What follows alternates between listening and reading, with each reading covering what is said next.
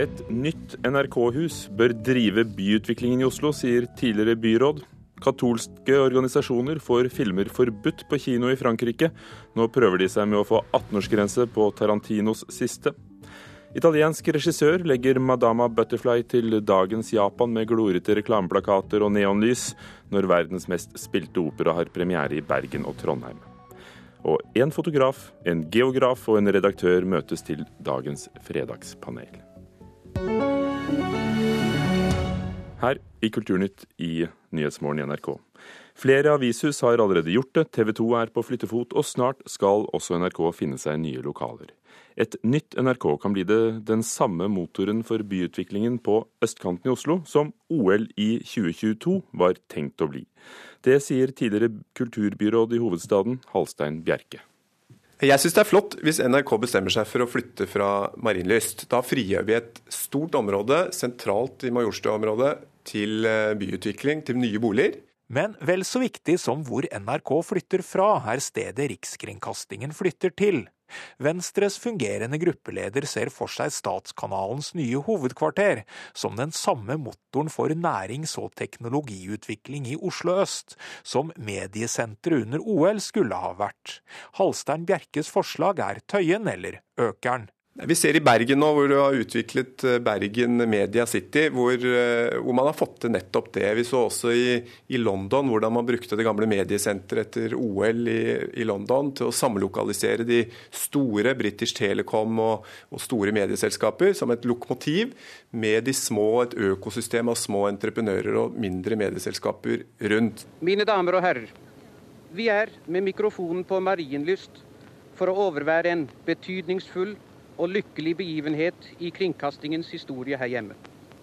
Kringkastingshuset skal gjøre spranget fra tegninger og plansjer og modeller og inn i virkeligheten. Slik startet radiosendingen i 1938, da statsråd Nils Hjelmtveit tok det første spadestikket på Marienlyst. Nesten 80 år senere har NRKs styre vedtatt å flytte fra upraktiske og for store lokaler, hvis de får solgt eiendommen. Men hvor vil ikke kringkastingssjef Tor Gjermund Eriksen ha noen mening om? Det vet jeg ikke. for nå skal vi ta oss tid til eh, å se hva kan skje med denne eiendommen? Er det mulig å realisere verdiene, eh, få en reguleringsplan osv. Men noen tanker har du vel gjort deg på ja, men, nei, ikke, eh, byen? ja, men jeg nekter, nekter meg litt å, å, tenke det. I et næringsutviklingsperspektiv og et byutviklingsperspektiv så har det vært veldig bra å fått et nytt NRK-hovedkontor plassert eh, sentralt øst i det som blir det nye Oslo. Og Da tenker du Tøyen eller Økern-området? Da tenker jeg Hovinbyen, altså aksen fra Tøyen opp eh, Groruddalen, hvor Økern nå blir det store sentrum i den, eh, i den, nye hovedbyen, i det nye Oslo. Men hvor eh, også Tøyen, med det områdeløftet man har satt i gang der, er et interessant område for lokalisering. Det sa Halstein Bjerke fra Venstre. Tidligere kulturbyråd i Oslo. Reportere var Olav Juven og Jon Gelius. Og i Dagens Næringsliv i dag så sier Obos, Oslo Boligsparelag, at de allerede har tegningene klare til et nytt NRK-bygg. For det har de allerede sett for seg muligheten av.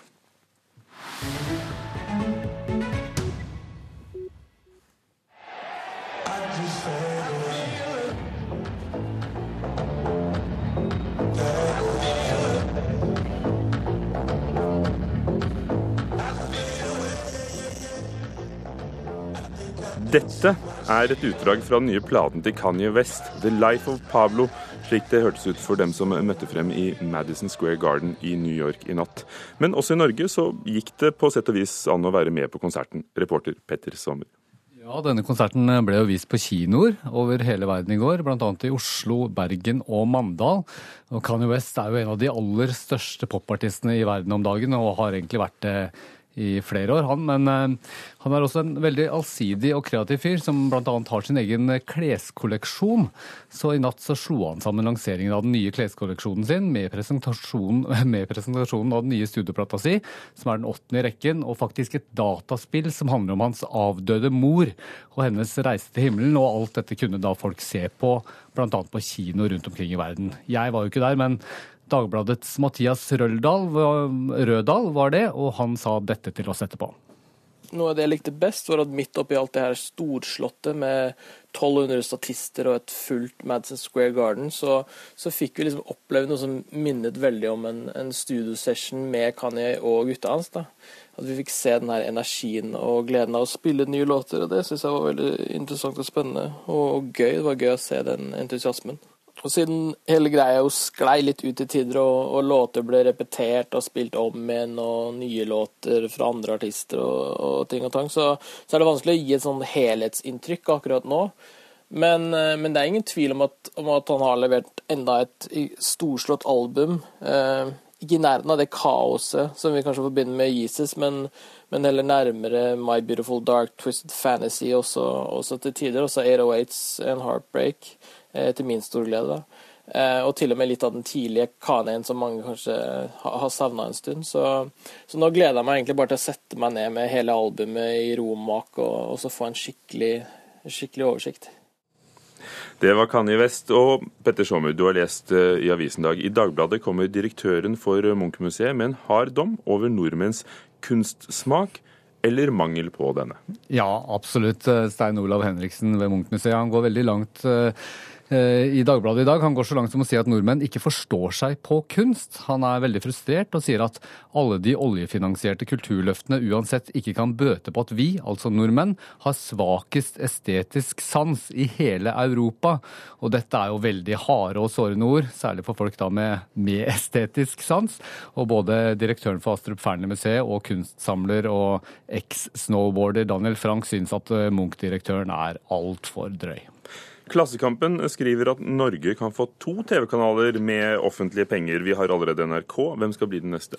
Det skal muligens bli eh, TV 2, for flertallet på Stortinget vurderer nå å gi TV 2 statsstøtte for å fortsette med nyheter og beholde dette hovedkontoret sitt i Bergen. Det er jo som sagt, eh, eller som kjent, veldig dyrt å drive med disse nyhetsproduksjonene og ligge i Bergen. Og um, nå skal denne avtalen de har om å være allmennkringkaster reforhandles, og da er det snakk om å gi dem 200-300 millioner kroner i året over statsbudsjettet statsbudsjettet for å fortsette med dette. Takk, Petter Sommer.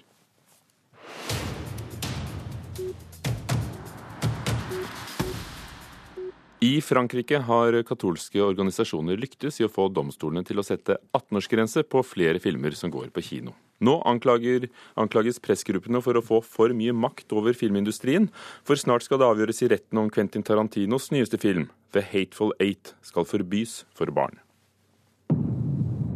bourré, ma grosse bite, gorgée de sang, je me sentais collier pour le jusqu'au cou, etc. Enfin, I The Hateful Eight finns oralsex och det knullas friskt, säger André Bonnet, advokat i Nice och som leder den lilla men mäktiga katolska organisationen Promouvoir.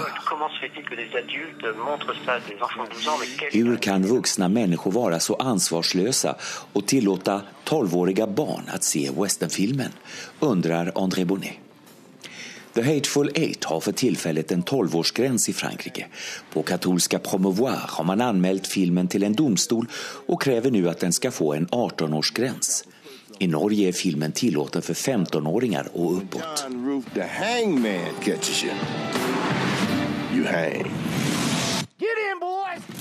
Katolska Promouvoir har bare 600 medlemmer, men inom loppet av bare några måneder har den lykkes få domstolar at barnförbjuda två stycken filmer. Horror-parfilmen Saw 3D av Kevin Greutert samt erotisk pornografiska Love av Gaspar Noé. Promouvoir och ett par andra katolska organisationer har även anmält ytterligare tre filmer till domstolen. Lars von Triers Antikrist stoppades häromdagen. Tarantinos The Hateful Eight är högaktuell på kino just nu. På franska heter den Louis Salopard. Kinobesökaren Laurent Roux har sett den. Jeg som voksen klarer av å se filmens vold, tortyr og porr. Men jeg skulle aldri tillate min 13-årige dotter å se filmen, sier Laurent Roux. På kulturministeriet vil man ikke uttale seg gjeldende katolska promouvoir. Vi vil innvente domstolens kommende beslut gjeldende Tarantinos seneste verk, sier man til mig. Om The Hateful Eight blir barnförbjuden på kino kommer filmen inte att ta hem de biljettintäkter som filmbolaget hoppats på, skriver man i Le Figaro. De franske filmproducenternas organisasjon ALP har protesterat skarpt mot de olika domstolsbesluten som även chockat flere journalister og kinobesøkere. Kände chefredaktören och filmkritikern Aurélien Ferenczi på kulturtidningen Telerama ser allvarligt på utvecklingen.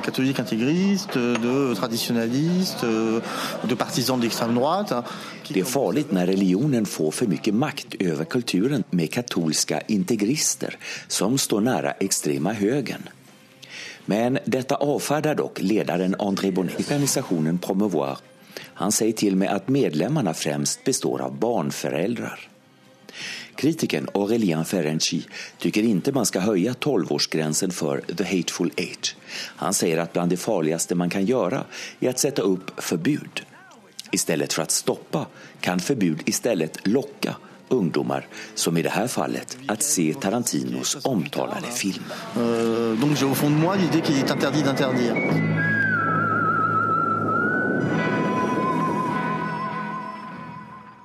Og vår reporter i Paris er Johan Tolgurt. Sangere fra hele verden og en italiensk avantgarde-regissør er oppskriften når Bergen Nasjonale Opera og Symfoniorkester i Trondheim samarbeider for første gang. I kveld har det som er verdens mest spilte opera, Madama Butterfly, premiere i Olavshallen i Bergen.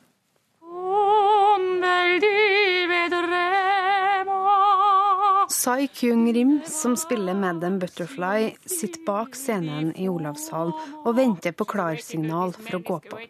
Rim er født i Korea og spiller den japanske 15-åringen. So det her er min favorittopera, og rollen er så dramatisk og vakker. Den er perfekt for meg, og jeg kjenner igjen så mange av de følelsene jenter har.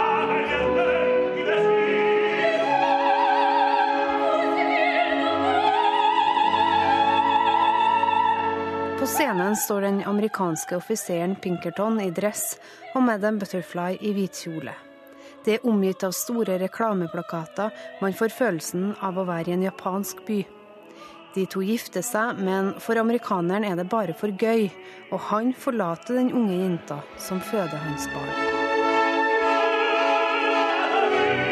Det er første gang vi samarbeider med Bergen. Det forteller Roar Leinan, direktør i Trondheim Symfoniorkester. Det viktigste som også publikum får ta del i, det er kanskje den kunstneriske kraften, altså den kompetansemøtet man får, og at det rett og slett løfter produksjonen et hakk. Operaen, som har premiere i Trondheim i kveld, skal senere også spilles i Bergen. Og her er det mange som samarbeider. Trondheim Symfoniorkester, Bergen Filharmoniske Orkester, Edvard Grieg Kor, TSOs vokalensemble, Edvard Grieg ungdomskor og en produksjon fra Teatro Regio Torino. Budsjettet er på 8,5 millioner kroner. Men på lista over hovedroller finner vi svært få norske navn. For this opera, we did offer principal roles to Norwegians, you have to remember that the top Norwegian singers, you know, Operasjefen i Bergen, Mary Miller, som har fått kritikk tidligere for ikke å velge norske sangere, forklarer at de har prøvd å få norske operasangere til å ta rollene, men at de er såpass ettertrakta at det er vanskelig å få det til å klaffe.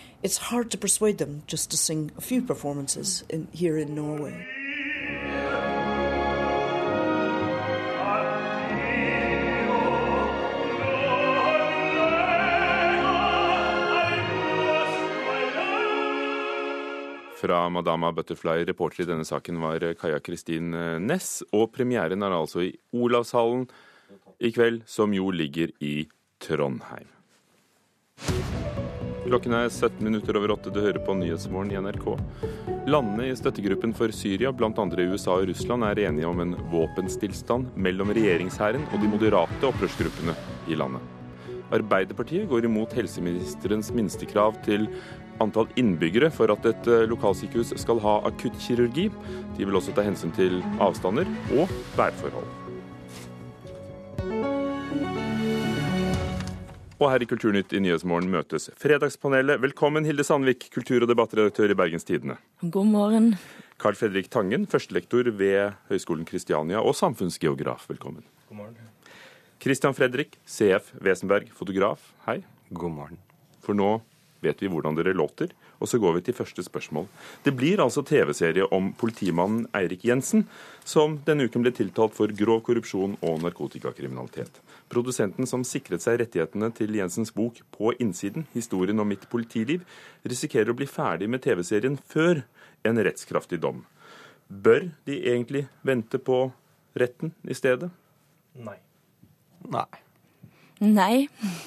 Dere er helt enig i dette her, altså. Hvorfor, Hilde? Eh, nå er jo dette en historie, det er hans bok og det er hans fortelling, og det tror jeg at eh, publikum vil, eh, vil se. Og så er det jo klart at etterhistorien kan komme til å bli en, en annen. Men i hans historie så ligger jo heller ikke rettssaken som en del av premisset. Så det tenker jeg at det er unødvendig det jeg første rekke tenker på, er kanskje rettssystemet. Så Hvis det er sånn at eh, rettssystemet skal bli påvirka, eller prosessen skal bli påvirka av en TV-serie, så bør jo enhver tiltalt leie inn en teatertropp for å spille saken eh, sin. Og, så jeg, det er noe fint men disse, altså den fristillingen som media har overfor rettssystemet, som ikke skal tulles med. Jeg regner med, tar for gitt, at juryen eh, ikke ser serien før de skal vurdere. Men for ettertiden vil, bli, vil vel ofte i, hos vanlige folk det bli stående det vi så på TV? Uh, eh, uansett hva retten kommer til, så vil vi tro på det vi så på TV. Akkurat som historiske filmer. Det er, det er det vi tror på ettertid. For Jensen så betyr vel dommen mer enn filmen, tenker jeg. Det, det tror jeg det tror jeg også. Eh, og, men, så, men, sånn blir det jo hele tida. At vi for vrangforestillinger og konkurranse om hva slags fortellinger som skal eh, komme. Og Der har jo media også en viktig rolle. Altså sånn som Mange av disse dommene som har vært feil i Norge, er det journalister som har gravd frem. Så det er jo fint at, altså, det er fint at det er en sånn respektløst eh, forhold fra media mot eh, rettssystemet, og et overlegent forhold mellom rettssystemet og media. Det er jo klart at det er en trend nå med såkalt true crime. sant? Altså det, er, det er noe som både podkaster og filmserier og filmer og serier osv. er veldig opptatt av i øyeblikket, fordi at det faktisk eh, ser ut til å få et stort publikum. Men her, dette er jo ikke en dokumentar skal jo, det skal ikke være en dokumentarserie, det skal jo mm. være en serie. og Der er, en, der er det en stor forskjell. Mm. Så etterpå kan eh, noen da, Hilde Sandvik, eh, gå og lage true crime-varianten, avhengig av hva dommen blir? Den kommer garantert uansett, ser jeg for meg. Hmm. Vi skal fortsatt snakke om eh, historiefremstilling, men vi skrur klokkene tilbake til året 1204. Håkon har efterlatt seg en sønn. I dag en uskyldig knekt. I morgen vår mektigste fiende. Og bring meg drengens hoved.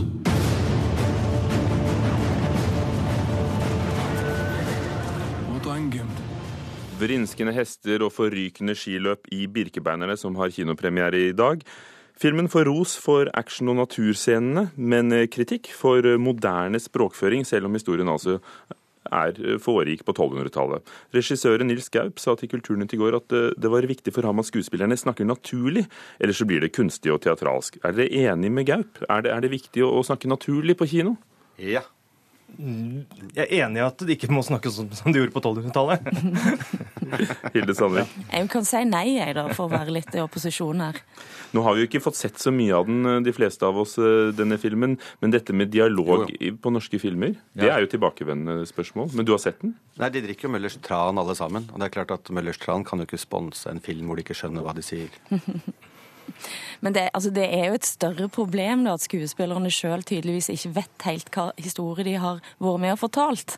Eh, og da blir akkurat diksjonen og, og hvor middelaldersk det høres ut, det faller ganske gjennom når da Jakob Oftebro, som da spiller Torstein nei, Skjervald Skrukka eh, satt på Skavlan og sa at denne filmen handla altså om da, da protestantene sloss mot katolikkene. Og han trakk inn òg Norge-Danmark, men altså uten å bli korrigert av Fredrik Skavlan i beste sendetid, som går både i Sverige, Norge og Danmark. Så der er det snakk om vrangforestilling der. Det sier mye om Skavlan.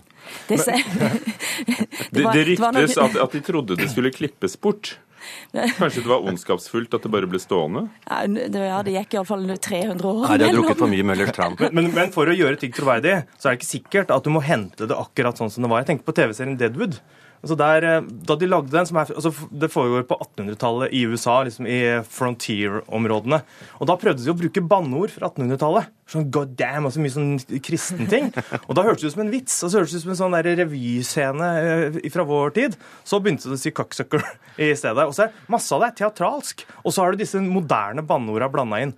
Og du, det var sikkert ikke sånn, men det er troverdig da, når du, når du ser på det. Jeg syns ikke at ambisjon, ambisjon må være troverdig fortelling, ikke verken samtidig eller tidsriktig. Vi har jo ikke sett filmen, da. Vi forventer jo på en måte at det kommer en tweet-melding innimellom der, kanskje? Men det som, altså, Poenget er at det er veldig lang avstand mellom oss og, og med sånne uttrykk som ah, 'baglene kommer av', altså 'vi må skynde oss'. Altså, det, det, er på et vis, det er litt banalt, høres det mer ut som i, i replikkvekslingen, mer enn at det ikke skal legges inn eh, Hva ville du sagt da?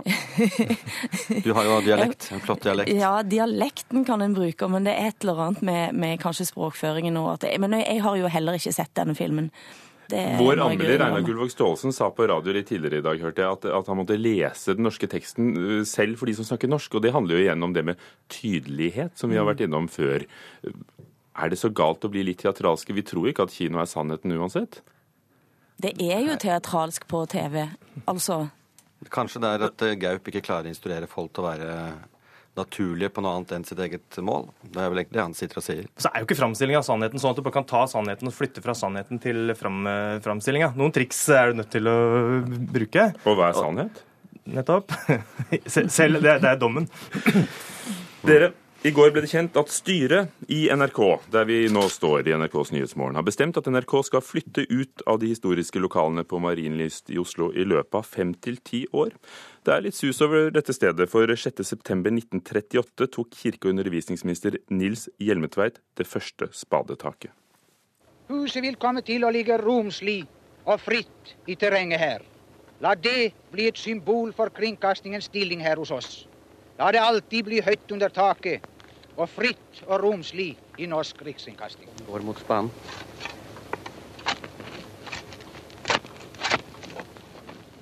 Det er en strålende septemberdag i dag. Vi har hatt sol fra en skyfri himmel. Og tør vi også ta det som et omen at det er med dette første spadestikk som er gjort, er innevarslet tider med skyfri himmel for norsk rikskringkasting. Det var reporter Einar Skibby som ledet den aller første sendingen fra stedet Marienlyst før det i det hele tatt lå noe hus på den haugen. Særlig skyfritt ble det jo ikke. Dette var 1938. Så kom krigen. Tyskerne sto på døren 9.4.1940, og NRK innviet huset 1950. Er det en god idé å flytte, Hilde Sandvik? Eh, ja. CF? Eh, ja. Nei jeg, jeg, har ikke så veldig mye imot at institusjoner flytter uh, på, på, seg. Du kan jo se behovet for det. Men jeg, jeg, frykter for hva det er det de vil finne på. Jeg så et intervju med Eriksen, og så sa han at uh, dersom NRK skal lykkes med vårt oppdrag, bla, bla, bla, så må vi ha en ambisjon om å være den mest moderne og innovative allmennkringkastingen i verden. Det høres litt ut som de har hatt sånn der verdiprosess uh, i, uh, i, NRK. Da ble jeg litt bekymra for hva som kommer ut av det. Konklusjonen er at... Og det er jo, det er jo, svært, det er jo svært her, og det burde være mulig. Hvis du ikke skal utvide en sånn voldsom Twitter-avdeling, og så bruke det huset som allerede finnes. Hilde Sandvik, du, du sitter jo i et mediehus som uh, er med på å forandre seg hele tiden. Ja, men det er altså eh, og, og Jf. språk, jeg fikk lyst til å skyte inn. Her hadde vi teatralsk språk på, på eteren i 1938. Men, mm. men, men, poenget er at Kringkastingshuset er, som er kanskje et av landets flotteste kulturhus, også kalt for Det hvite hus, og det mest signatur Eh, huset som en har hatt i Norge siden si eh, det sto ferdig i, 30, i 38. Vel, de begynte i 38? Ja, det begynte, ja, det begynte jo det, med det, men det sto, ferdig, det sto ferdig først i 1950.